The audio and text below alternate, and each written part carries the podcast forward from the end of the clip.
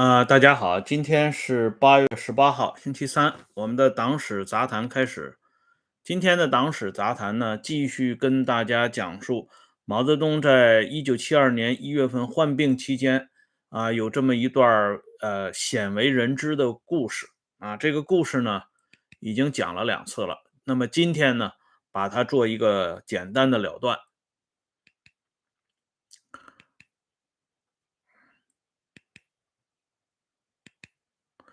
呃，之前我多次跟大家介绍过这本书《历史的真实》，作者呢是林克、徐涛和吴旭军。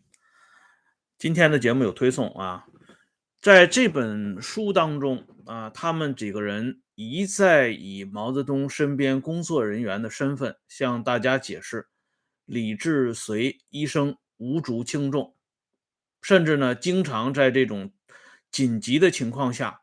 没有出现在毛泽东的身边，而我们通过一些老照老照片，我们可以清晰的看到，李志随之于毛泽东不仅十分重要，而且经常会出现在毛的身边，不论毛是出行还是接见，啊，李志随呢可以说是形影不离。这两张照片，大家都可以清晰的看到李医生的身影。所以从这些照片当中，我们就可以看到这本书名义上叫《历史的真实》，实际上是不是历史的真实？而这本《历史的真实》啊，在对于1972年发生在毛泽东身边的这次紧急的大抢救啊，居然一笔带过，甚至呢根本就没有进行认真的总结，也。不可能向大家介绍内中的一些曲折的故事，恰恰是官方出版的另外一本啊《周恩来年谱》向我们提供了一丁点的侧面。而《周恩来年谱》之所以不厌其烦地提到这一段故事，原因我已经向大家解释过了，就是因为啊邓颖超邓大姐要给自己丈夫周恩来脸上贴金，可是她这么一贴金不要紧。啊，吸引我们对照李志随医生的回忆录，啊，把这一次毛泽东的抢救工作的这个全貌呢，撕开了一个小小的口子。我们来看一下，当时的情况是非常紧急啊。前面我已经说到了，就是请中医岳美忠出面，先是给毛泽东进行啊中医方面的治疗，但是毛显得非常不耐烦。这样的话呢，汪东兴、李志随他们几个人就进行研究，考虑到这件事情不仅要上报周恩来，同时呢还要把这个医疗的情况进行最低限度的知情，也就是极大程度的保密。这个保密首先要做到不能让江青出现在现场，因为江青一旦出现，没有事儿也惹出事儿来了。李志随的这个建议呢，说实话啊，得到了得到了汪东兴的赞同啊。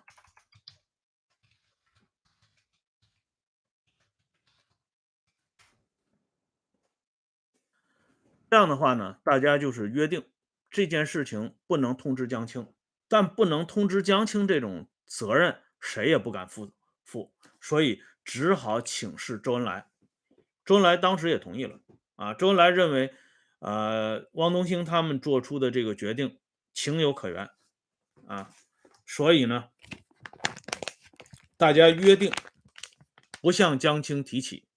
那么接下来的事情，让我们看到的。是非常令人诧异的一幕啊！本来呢，大家说好了啊，周恩来是同意江青不会出现在现场。可是到了一月二十一号啊，当李志随医生给周恩来打电话，向周恩来报告啊，如果这样拖下去的话，会很危险。啊，希望周恩来赶紧跑到游泳池来，啊，对毛的治疗呢进行很好的规劝。因为毛泽东这个时候是拒绝治疗，不想吃药。周恩来答应啊，马上赶到。到晚上七点多钟的时候，周恩来到了游泳池了。可是李志水、汪东兴他们万万没有想到的是，啊，江青也跟过来了。这样的话呢，等到江青一出现，李志水非常吃惊啊，因为大家之前明明已经说好，不让江青出现，为什么周恩来还领着江青出来了呢？如此的阳奉阴违、出尔反尔是为什么呢？周恩来做了一个非常简单的解释，周恩来是这么说的：周恩来说，主席病重，江青同志。是政治局委员啊，而且是主席的夫人。如果不告诉他，一旦主席出了事儿，我怎么交代？况且每个人都有自己的组织，我在政治局里不向他讲，怎么行呢？从这段话里边，我们就可以看到，呃，作为当时的第二号人物的周恩来，在历史上啊，就是李志随医生回忆的历史当中。已经是第二次出现这种事情了。第一次呢是毛泽东不允许把自己的病情向林彪等人透露，但是周恩来还是如实的向林彪做了汇报。这一次呢，嗯，汪东兴、李志随同周恩来约定不要让江青出现在现场，结果周恩来还是领着江青出现了，而两次的唯一理由。就是周恩来的这句话啊，周恩来说，每个人都是有组织的啊。当初呢，他说他的组织，他的上级就是林副主席，而这一次呢，他虽然明没有明说，可是后边的话指的也很清楚。我在政治局里不同江青讲怎么行呢？言外之意，政治局里周恩来的组织就包括江青在内啊。由此呢，我们。想到一个事情啊，这件事情呢，其实也是由这个 张玉凤的回忆啊，以及当初的这些老同志们呃介绍的情况综合而成。就是江青的跋扈是众人皆知啊，在那个层面里是没有人敢轻易啊在他身上做文章的。但是在毛泽东身边呢，有两个人。对江青的情况呢是有所遏制的，其中一个就是汪东兴啊。对于江青的一些无理取闹，汪东兴有的时候是能够扛得住的啊，他可以顶一下江青，而且只有汪东兴在有些时候能够站出来啊，甚至表现出舍得一身剐啊，敢把皇帝拉下马这种状态，而周恩来。对比汪东兴，则显示出一种顾全大局的感觉。这种感觉被李医生写到了回忆录里边。那么江青一旦出现在现场之后，汪东兴、李志随之前担忧的情况终于出现了。啊，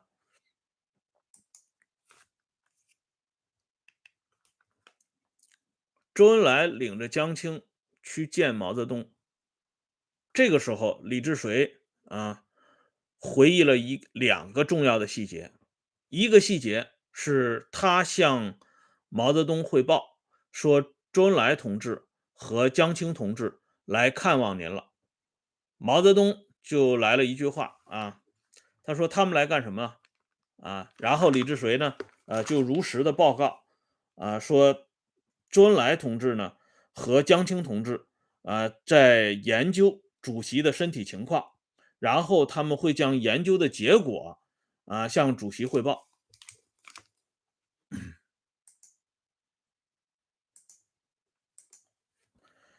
这个时候，毛泽东来了一句话啊，毛泽东说：“有什么好研究的？啊，你们又不是医生，啥也不懂，还不是要听医生的。”毛泽东的这段话啊，非常形象地表达出毛当时的那个状态。而毛能说出这样的话，并且能够让大家看到，也只有李医生的回忆录里边才会向我们展示这个一贯不为人知的另一面。啊，毛泽东的这种脾性，这种特殊的状态，在李医生的笔下显得绘声绘色。啊，毛泽东虽然顶了一下啊周恩来，但是周恩来呢，呃，只是看了一下江青。啊，希望江青出面来说话，但是江青没吭气儿。啊，这个时候呢，呃，周恩来说，呃，有三位医生李志水、吴杰、胡旭东啊，向我和向江青同志讲了主席的病情。接着，毛泽东询问自己的病情，而就在这个时候，江青开始报复李志水。啊。这件事情呢，在《历史的真实》这种书里是绝对不可能出现的啊！李医生的回忆录里边呢，给我们详细的介绍了这个情况。江青和李志水之间啊，早就有这个这张照片不太清楚啊，大家对付着看。江青和李志水之间早就犯过毛病啊！这个江青对李志水、对李医生一贯不满。啊，一方面呢是不满意李志水的这个呃做派啊，因为李志水是典型的知识分子出身，并且呢，由于他的这个学识和家学的原因，他在江青面前不会轻易折服。再一个呢，李志水在毛泽东治疗的过程当中是严格遵照毛泽东的一些嘱咐，不会把一些真实的情况直接向江青汇报。这一点他与周恩来不同，这恰恰是江青最记恨的。因为在江青看来，主席的大事小情他都有权过问，他都有权知道。李志水不能满足江青这样的要求和愿望，自然成为江青的眼中钉。所以，啊，江青就着毛泽东抱怨医生治疗非常不得力的这句话的时候，他说了一句：“一九六八年，李志水。”啊，要害我，可是那个时候，就是指这个毛泽东啊。那个时候你却说，为什么他只害你而不害我？害我不是比害你更容易吗？现在你看，他到底害你了，这不是清楚的很吗？江青在这个时候啊，给李志水扎了一针。江青的话音未落，毛泽东来了一句话。这句话把李志水吓得是啊魂飞魄散。毛泽东只说了一句啊，毛泽东说：“这下子你可是立了一大功啊。”这话是对着李医生说的。李志水本人回忆到此的时候，他说：“听了毛的这句话，胸口似乎缩了回去，立即啊嘴里干的要裂开，气都透不出来了。”因为他非常清楚，在他面前的这两口子到底是什么样的来路啊？他们的行事，他们的为人，到底是一个什么样的状态？而毛在这个时候不需多说啊，只有这么一句话，那足以让李志水身败名裂，甚至呢啊全家不得安宁。所以李志水完全蔫了。而这个时候呢，江青的气焰马上就起来了。江青就直接骂李志水，让李志水滚出去，到外边去。所以李志水这个时候呢，也想开了啊，反正也就这样了，没所谓了啊，滚蛋就滚蛋啊，垮台就垮台。所以当他走到快走到门口的时候啊，大家看一下，这是右手边的，就是李医生的照片。当他快走到门口的时候，却突然。被毛泽东叫住，啊，毛这个人呢，在这点上是很厉害的啊。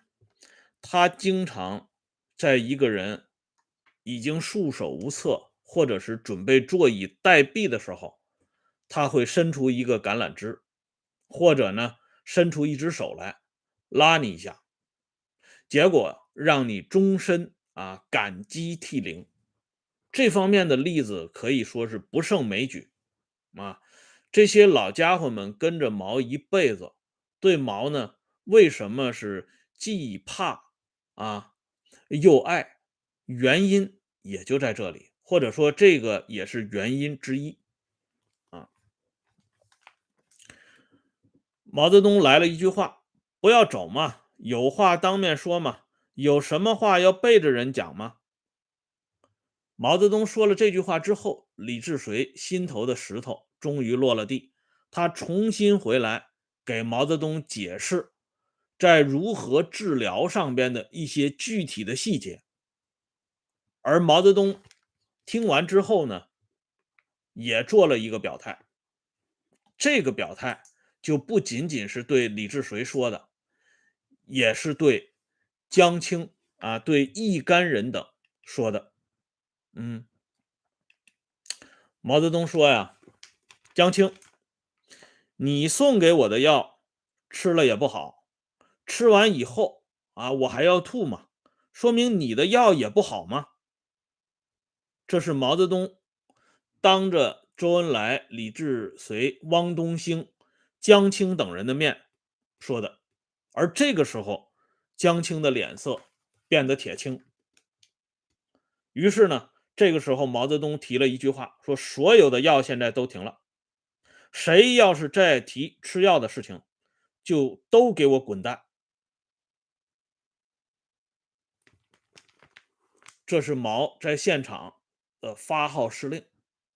这件事情呢，就是到了李医生晚年，他写回忆录的时候啊，还是有啊这个。感到百思不得其解的意思，但是如果把这件事情放到历史上来看，这个答案呢就会相对清晰一点。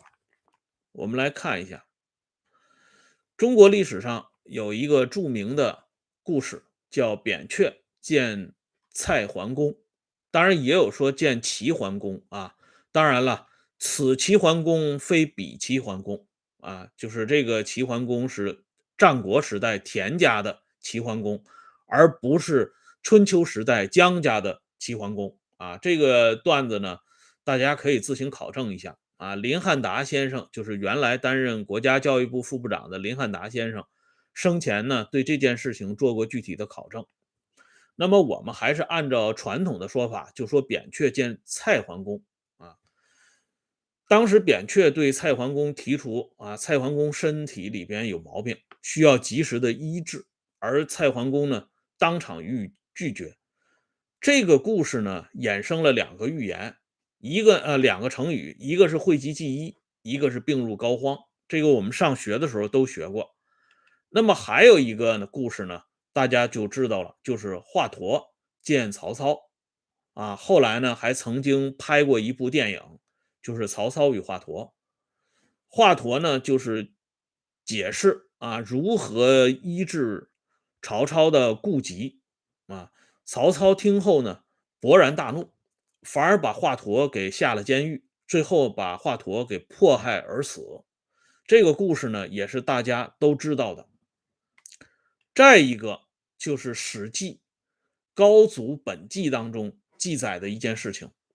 就是汉高祖刘邦最后生病的时候，啊，吕后他们专门给刘邦请了医生来，呃，为刘邦医治，啊，而这个时候刘邦问医生，这个病怎么样呢？这医生说病可以治，结果汉高祖刘邦居然勃然大怒，啊，大骂医生，说吾以布衣提山尺剑取天下。此非天命乎？命乃在天，虽扁鹊何意？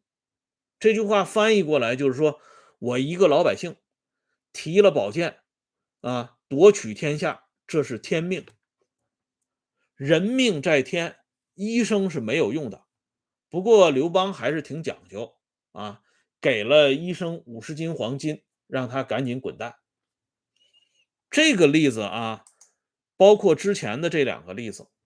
就让我们看到，这些啊大权在握、大权独揽，尤其是钱刚独断的这些人，他们在治疗问题上从来就没打算跟医生配合过。